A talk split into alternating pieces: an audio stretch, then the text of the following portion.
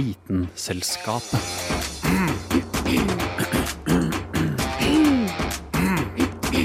Vitenselskapet. Bløte, sterke, virvelløse med sugekopper, åtte armer og en sekk full av blekk. I dag skal det handle om blekkspruter.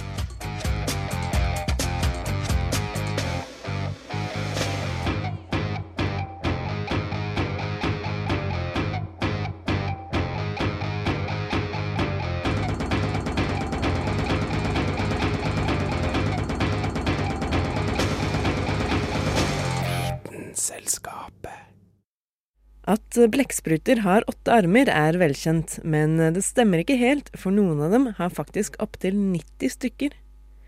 Vitenselskapet tar i dag et dypdykk ned i blekksprutenes fascinerende verden, og vi snakker blant annet om gigantiske monstre, mørkt blekk og om man fremdeles kan bruke blekket til for lengst døde blekkspruter.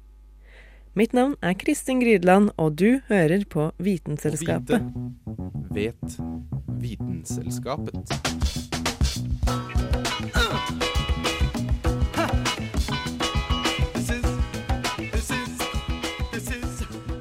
Blekkspruter.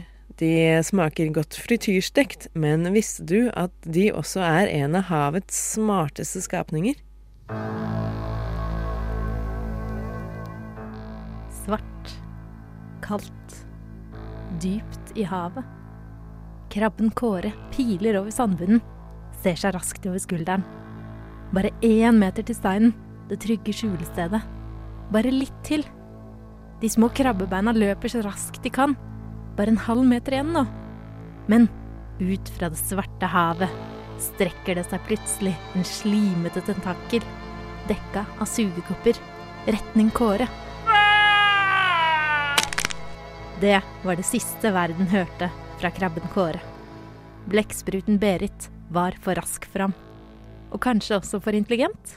Blekkspruter regnes nemlig som de mest intelligente av alle virvelløse dyr. Som Berit er alle blekkspruter jegere, og dette er viktig for å forstå hvorfor disse mangearmede skapningene er så intelligente. Blekksprutene har eksistert i verdenshavene i over 500 millioner år. I løpet av denne tida, på jakt etter raske krabber, har de gjennomgått en fantastisk evolusjon. En skulle ikke tro, når en ser på YouTube-videoer av blekkspruter som åpner syltetøyglass, at dette virvelløse dyrets nærmeste slektninger er muslinger, blåskjell og snegler. Nå hjelper det nok å ha armer når en skal åpne syltetøyglass, men jeg tviler uansett på at et blåskjell hadde vært i stand til å gjøre det samme som blekkspruten Otto, som bodde i et tysk akvarium. Otto ble flere ganger ferska i å kravle ut av tanken sin og sprute en vannstråle på lampa i taket, sånn at den kortslutta. Han ville vel ha det mørkt. Skjønt en bevisst vilje er kanskje å strekke det litt langt når man snakker om blekkspruter. Mye av blekksprutens intelligens er som nevnt knytta til dens rolle som jeger. Blekkspruter kan f.eks. kommunisere, noe som er nyttig i jakt. Forskerne har observert at Humboldt-blekkspruten en stor kannibalistisk blekksprut, noen ganger jakter på fisk i flokk på opptil 40 individer, der hvert individ har sin plass i et ordna jaktmønster.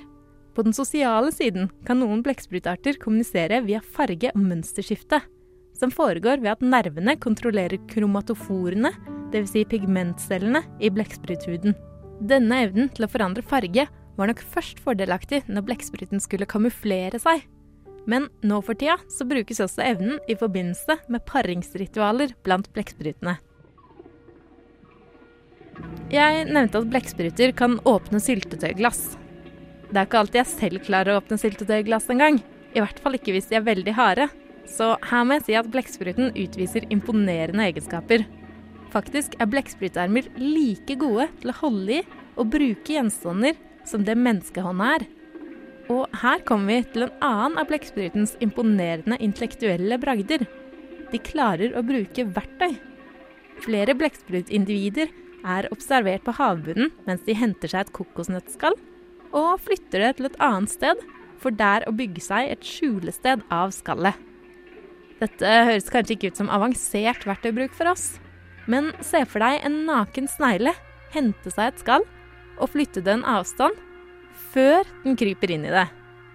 Det tror i hvert fall ikke jeg på før jeg ser det, så blekksprutens verktøybruk er en ganske big deal. Uten oss mennesker hadde det imidlertid vært vanskelig for blekksprutene å hente de kokosnøttskallene på havbunnen. For hvor mange kokosnøtter deler seg egentlig i to naturlig? Evnen til å tilpasse seg menneskenes oppførsel er en annen oppsiktsvekkende side ved blekkspruten. Krabber er som nevnt vanskelige å jakte på, noe blekkspruter har begynt å løse ved å bl.a. oppsøke hummerfeller og ta hummeren rett ut av fella. Eller rett og slett gjemme seg inne i bokser som inneholder krabber om bord på fiskebåter. De er ekstremt fleksible, så når blekkspruten vil stikke av fra båten, kan den f.eks. bare klemme seg ut av et hvilket som helst lite hull. En blekksprut på over 200 gram klarer f.eks. å klemme seg ut av et litt over 2 cm lite hull. Så selv om du kanskje også klarer å bruke verktøy og åpne syltetøyglass, vil jeg likt å se deg klemme deg ut av et hull som er ti ganger mindre enn ditt eget hode. Så selv om de kanskje ikke er mer intelligente enn oss mennesker, så har i hvert fall blekkspruten overtaket på oss på visse områder. Faen, faen, faen,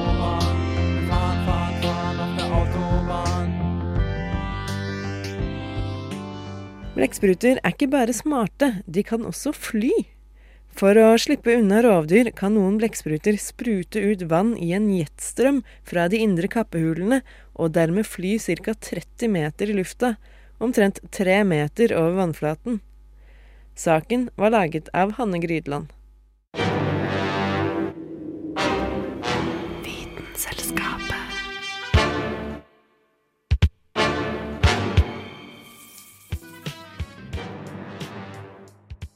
Har du noen gang drømt om å kunne nedblekke de du hater? Dette er en egenskap blekkspruten til stadighet benytter seg av.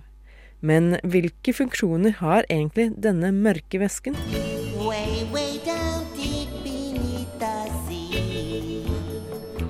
Blekkspruten, eller cefalopoda som den kalles på vitenskapens språk, er kjent for sitt distinktive blekk.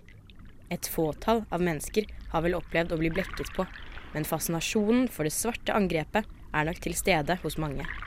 La oss ta et dypdykk i denne mørke væsken. Like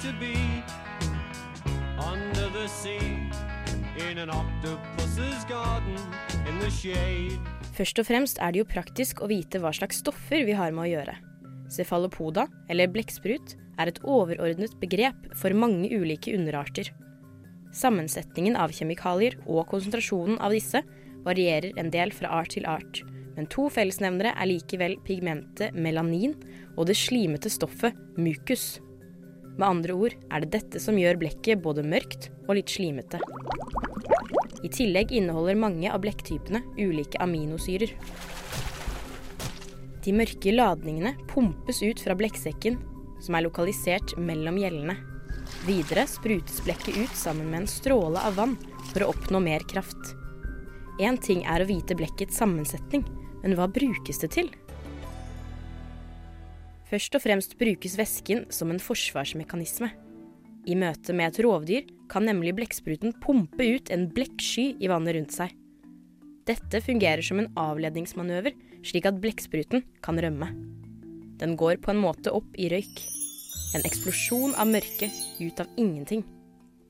En annen måte å anvende blekket på, er å skille ut flere porsjoner med en høyere konsentrasjon av mukus. Slimskyene holder dermed formen lenger og skal lure en eventuell fiende. Målet er å få rovdyret til å tro at blekket er selve blekkspruten. Wow. Blekkspruten lager altså en falsk versjon av seg selv for å overleve. Dette kalles for pseudomorfer.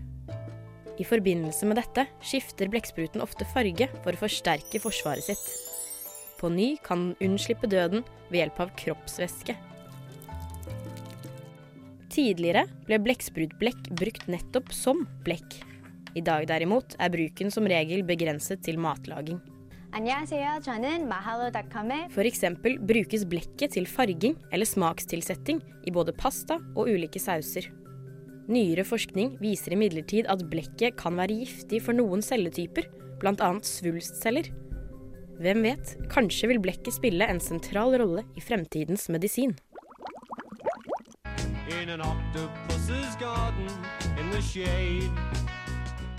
Dette innslaget ble laget av Agnes Alstad Mogstad. Vitenselskapet Vitenselskap?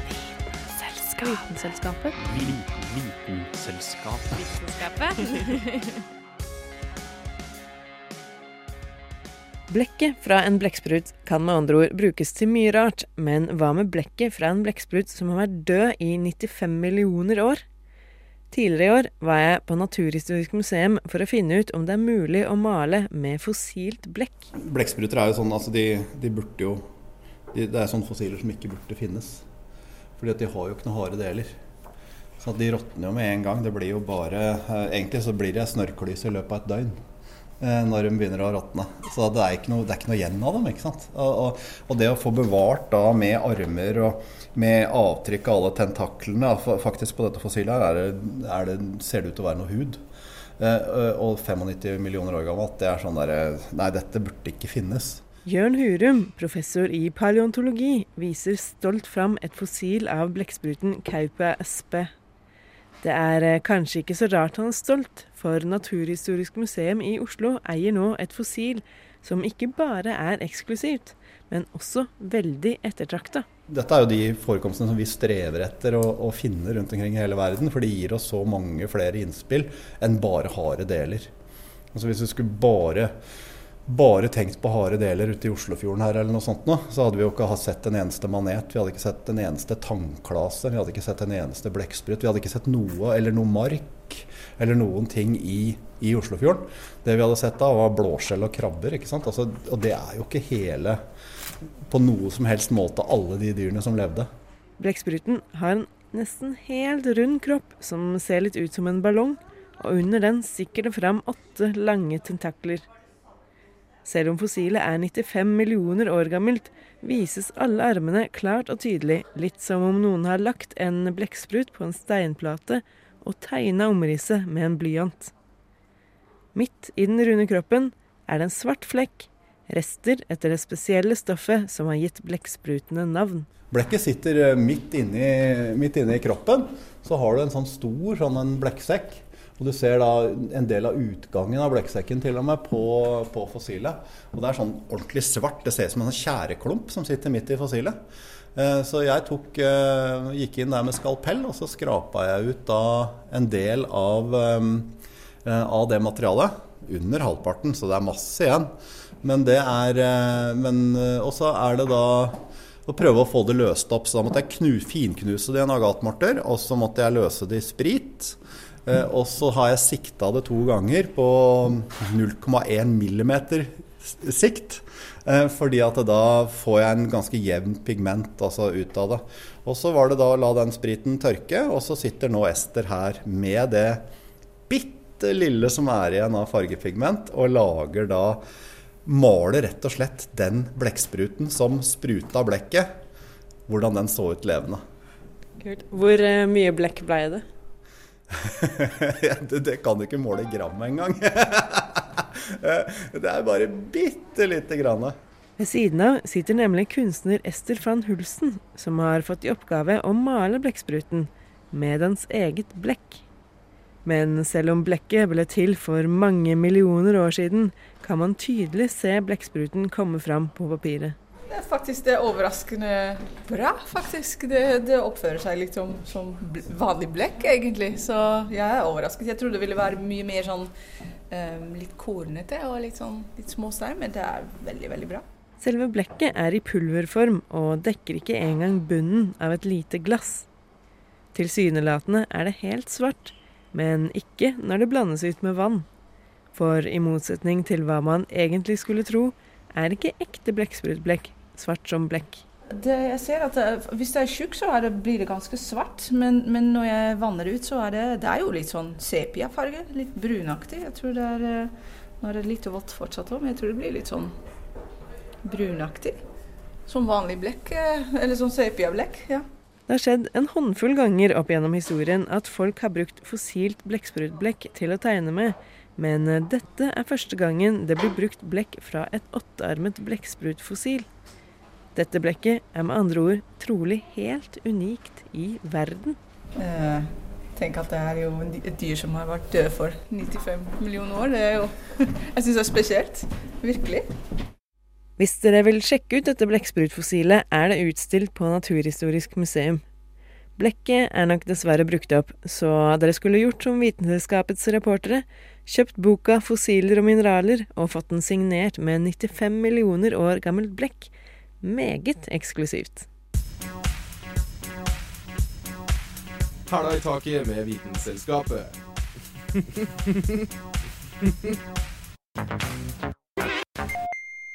Blekksprutfossilet ved Naturhistorisk museum er ikke så veldig stort, men det finnes blekkspruter som kan komme opp i en temmelig anselig størrelse. Det at de kalles kjempeblekksprutt, gir vel kanskje en liten indikasjon på dette? Når du tenker på det mest skrekkelige du finner i havet, tenker du kanskje på haier. To-tre ganger større enn en voksen mann er de vel verdt å være redde for. Men det finnes større ting der nede. Mye større. Blekkspruter er kanskje ikke det som skremmer det mest i verden. Smarte krabater som forutsier VM-vinnere og kjemper for miljøet. En søt liten tass som ikke vil noen vondt. Kjempeblekksprutten er verken søt eller harmløs. Som navnet Tessie kan den bli ganske så svære. Familien Enteroctopus omfatter flere typer kjempeblegksprut. De lever utenfor vestkysten til Nord-Amerika, østkysten til Asia og Sør-Amerika og rundt New Zealand. Enteroctopus dofleini, eller nordstillehavskjempeblegksprut, er muligens den største blekkspruten i verden. Rekordhelleren er blitt veid inn på 270 kilo og målt til mer enn 9 meter lang. Atskillig større enn en hai. Disse sværingene blir ca. fire år gamle, og både han og hokjønn dør kort tid etter yngling. Kjiperen. Gjennomsnittsstørrelsen er ca. 5 meter og 50 kilo. Ikke fullt så imponerende som størstemann, men fortsatt betydelig. Om du ikke blir skremt av størrelsen, kan jeg fortelle deg at hver eneste av de åtte armene ikke bare har sugekopper, men ei rekke tenn ved sida av. Med armene og nebbet sitt kan den påføre ekstrem skade. De kan i tillegg endre farge på huden sin for å imitere bakgrunnen, og har altså ganske god kamuflasje. Pass det.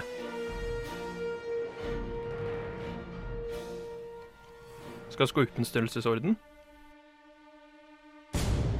Kolossblekkspruten er ikke bare større, men også enda mer fryktinngytende. Størrelsen er ikke sikkert fastslått, da det ikke er tatt et voksent eksemplar noensinne. De store blekksprutene lever dypt i vannet, og er derfor ikke gode å få tak på. Størrelsesanslaget tilsier at de kan være 12-14 meter lange. Men ikke bare er de lengre enn kjempebrekkspruten. Vekta på dem blir satt til ca. 750 kg. Tre kvart tonn. Tre ganger større enn kjempebrekkspruten. Hvorfor er de skumlere, lurer du kanskje på nå. Jo, de har ikke tenn på armene, men sylspisse kroker. Kroker som kan hekte seg fast i motstanderen sitt kjøtt. Kolossblekkspruten er i tillegg en akkar, som vil si at den har åtte armer og to tentakler. To ekstra våpen. Nebbene deres er òg hardere, som tatt ut fra et mareritt. Skal vi finne noe enda større, må vi bevege oss litt unna vitenskapen. Gigantblekkspruten er teoretisert til å være mye, mye større. Stor nok til å ta skip. Høres kanskje kjent ut? Kraken og lignende mytiske skapninger er bakgrunnen for spekulasjonen. Kanskje ikke så vitenskapelig, men poenget er at vi ikke veit hva som lurer dypt i havet. Kanskje en blekksprut på størrelse med ei leilighetsblokk? Tilbake til virkeligheten. Det har skylt i land flere kjempeblekkspruter i Norge. Disse er av typen Architeutis død, som egentlig er en akkar. Det ser òg ut til at kjempeblekkspruttene har noen fine barter, for de har en tendens til å komme i land i Trøndelag. Over halvparten av alle de døde blekksprutene som har blitt skydd i land, har blitt funnet nettopp i Trøndelag. Er en stor og skummel sjø. Kjempeblekkspruten er ikke bare dritskummel, men òg et godt eksempel på hvor mye vi har hatt å finne ut om jorda vår. Det er sannsynligvis mye rart i havet vi aldri har sett. Vi har vært sett at det ikke er liv på månen, men ikke dypt i det blå. Kanskje noe enda skumlere seg i dypet. Jeg klarer meg fint uten mer å være redd for det, altså.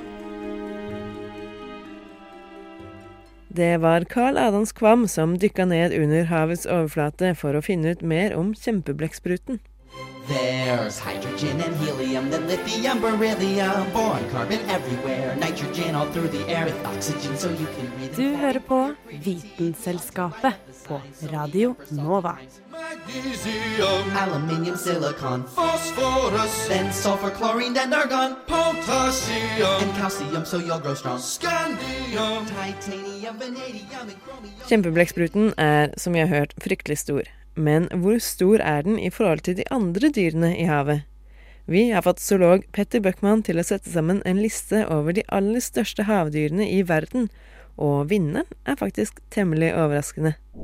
På femteplass Ja, det er, det er jo forferdelig mye svære dyr i havet. Og de aller største er hvaler, alle sammen. Så hadde vi laget en sånn liste over eh, hvem som var størst i havet, så hadde det blitt sånn hval på første, hval på annen, hval på tredje. Og det er ikke så innmari moro. Så da har jeg satt opp eh, størst etter kategori. Og absolutt størst etter vekt er selvfølgelig blåhval. Blåhval er innmari diger, og det er ingen annen måte å si det på. Den er svær nok til at en eh, fireåring kan krabbe gjennom hovedpulsåra. Det er eh, ja, det er nesten vanskelig å tenke seg hvor stor sånne dyr faktisk er. På fjerdeplass Men eh, det er jo ikke bare hvaler her ute. Den største fisken, og fisk er jo det da mye er godt er mest av i sjøen, det er hvalhai. Og det er en bruskfisk. Det er en hai, men den ser ikke helt ut som en hai, for den er flat foran, og så har den ja, han ser ut som en hai bak. Og så lever den som en hval. Den er på en måte hai i hvalutgaven. Den svømmer med munnen åpen, og så har den masse bitte, bitte, bitte, bitte små tenner som man siler ut sånn plankton med. Og så ser den utrolig teit ut, og det er den også. For når man lever av å svømme rett fram med munnen åpen for å få i seg mat, så får man ofte ikke så mye hjerne. Det kreves ikke den helt store mentale kapasiteten. Så på, på en, eh, en god fjerdeplass hvalhaien. På tredjeplass Men det er jo andre dyr her ute. De aller fleste dyrene her i verden, det er jo invertebrater, altså dyr som er mjuke, som ikke har noe skjelett. Og den største av dem, det er kjempeblekkspruten, og den scorer også høyest på Vi vet ikke egentlig hvor stor den er skalaen. For kjempeblekkspruter de lever bare i dyphavet. Og det vi vet om det, det finner vi ut fra døde kjempeblekkspruter som har drevet i land på strendene på sånne snåle steder som New Zealand og sånn. Så alle sammen er halvråtne når vi får dem opp. Og jeg har gjerne vært død en stund, og sitter ikke blekkspruter så innmari godt sammen sånn i utgangspunktet. Så nøyaktig hvor store det er, det vet vi ikke. Men det er noen armer som har drevet i land som antyder at det kanskje finnes dyr på 18 meters lengde. Estimert vekt uten vann i, i kappehula på ja, halvt tonn, kanskje. Kanskje er det noe enda større der nede. Det vet vi ikke. På andreplass Ja, nå har vi kommet fram til annenplassen, og der tenkte jeg vi skulle ta svære dyr her til lands. For det er jo ofte sånn at store dyr er noe som skjer i utlandet. Men vi har digre dyr her i norske fjorder òg. For det første så har vi jo faktisk kjempeblekksprut. Et sted der ute i havdypet. Vi bare ser den ikke. Vi har havlærskilpadde, som er kjempediger. Men det som blir virkelig stort blant dyrene her til lands, det er brennmanet. Det si, ikke akkurat langs norskekysten, men der hvor det er kaldt vann, så vokser brennmaneten så langsomt at den blir kjempesvær før han rekker å bli kjønnsmoden. Og den største brennmaneten man har møtt på, den hadde en ja, den var to og en halv meter tvers over klokka. Veide vel kanskje et halvt tonn, sånn hvis man fikk tømt den for vann. Og tråder på kanskje 35 meter. Det er sånne dyr som ikke er noe kjekt å bade med. Hvis folk er litt skeptiske til vanlige brennmeter om sommeren, så er dette skrekkfilmutgaven av samme dyr. Men det, det finnes altså. På førsteplass På førsteplass verdens lengste dyr. Å nei, det er ikke blåhval. Og det er ikke noe sjøslange eller noen ting. Det er en mark. Det er en mark som heter Linneus longissimus. Som er, det er heveorm. Det er en sånn liten gruppe mark som ingen har hørt om. Men de, kan, de er innmari tynne. De er nesten sånn trådtynne. Hvordan er den ser ut? grå ja, den, er, den er ikke så veldig fin å se på. Den ser litt ut som en ja, hva skal jeg si, litt sånn um, gjennomsikt, halvgjennomsiktig, gråaktig hyssing. Kan være litt sånn rødsjatteringen. Men av og til så driver sånne i land som er forferdelig lange. Og den lengste som har drevet land, den drev i land i Skottland på 1860-tallet. Og den var 57 meter meter lang. Det er lenger enn en blåhval. Det er altså verdens lengste dyr, og siden det er litt kulere å kåre den enn blåhval, så kårer vi den i dag som verdens største dyr, en liten mark. Oslo 2 igjen, Oslo 2. Dette er Vitenselskapet. Radio November, Oskar, Viktor, Alfa.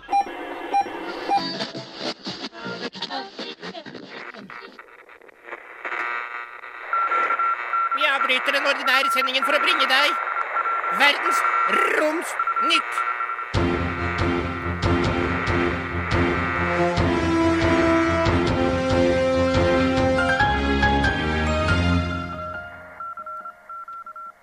Og der var vi klare for en ny runde av Verdensromsnytt. Dette er nyhetssendingen som transcenderer klodens atmosfæriske immanens og ser forbi de kroppslige banalitetene. Først ute, Hubble-teleskopet har bursdag! Hubble har nemlig vært i bane i 26 år siden dens skarve oppskytelse 24.4.1990. I denne anledning la NASA ut noen spektakulære bilder av en ung stjerne som kaster av seg gass, kalt bobletåken. Bobletåken. Disse utrolige bildene er tatt av Hubble sitt Widefield-kamera, som ble installert i 2009. Det avanserte instrumentet avbilder stjernetåker både optisk og infrarødt, og gir en utrolig dybde. Nebulaen kalles bobletåken fordi stjernen har kastet av seg gass i en nesten perfekt rund sfære, som strekker seg syv lysår i diameter. Stjernen har 45 ganger massen til vår egne lille sol. Kina annonserte fredag at de kommer til å sende opp en rover til Mars i 2020. Dette vil koste landet milliarder av kroner som allerede ligger langt bak holdt jeg på å si, lysår i kappløpet til vår røde nabo. India skjøt ut en probe allerede i 2014 som er i bane rundt planeten, og USA har som kjent to operasjonelle rovere der nå. Ferdene kineserne har bitt seg ut på er stort sett kopier av de NASA og ESA har allerede utført, og med samme målsetting. Romprogrammet i Beijing forsøkte i 2011 å sende ut en satellitt til Mars, men mislykkes da den russiske romferden ikke kom seg ut av jordas atmosfære. Så lykke til. Shay Shay. Forskning viser at romferd over lang tid kan gi leversykdom. Dette er Karen Johnsher ved Universitetet i Colorado som har funnet ut av dette. Etter å ha sendt ut mus med Atlantis-fartøyet, viste dyrene ved retur at begynnende skade på leveren hadde begynt etter bare 14 dager. Det er visstnok muskelatrofi, eller muskelsvinn, som forårsaker en celleendring i organet, som fører til at mer fett lagrer seg der. Dette kan være problematisk for de lengre bemannede ferdene som i fremtiden vil bringe mennesket til Mars. Det går ord på gata at europeiske forskere ønsker å sende ut et fartøy til Jupiters måne Europa. Denne månen har gitt høye håp om liv i dets underjordiske hav og varme forårsaket av Jupiters enorme gravitasjonskraft. Det er enten snakk om at ESA skal haike med en NASA-ferd i 2022, eller planlegge et oppdrag alene. Turen er fremdeles bare snikksnakk blant forskere, men kula i sentrum sin popularitet intensifiseres stadig vekk. Videre roterer jo kloden sin vante runde, og kan fremover by på litt snadder på nattehimmelen. Meteorsvermen Lyridene går jo mot slutten, men ikke lenge skal vi vente før et nytt kometstuv suges inn mot vårt gravitasjonsfelt. Det er nemlig snart akvaridenes tur, som vil pike rundt 5. mai.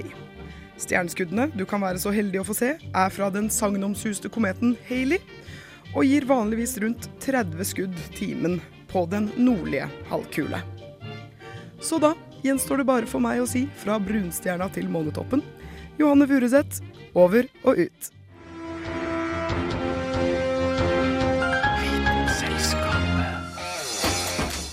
Det var dessverre alt vi rakk i dag, men hvis dere vil høre mer vitenskap, er det bare å følge oss på Facebook eller laste ned podkasten. Nå har vi også fått oss Instagram, hvor vi legger ut vitenskapelige fun facts og behind the scenes-bilder fra når vi lager programmet. Så følg, følg. Mitt navn er Kristin Grydeland, og du har hørt på Vitenselskapet. Radio Nova, FM 99,3 og radionova.no.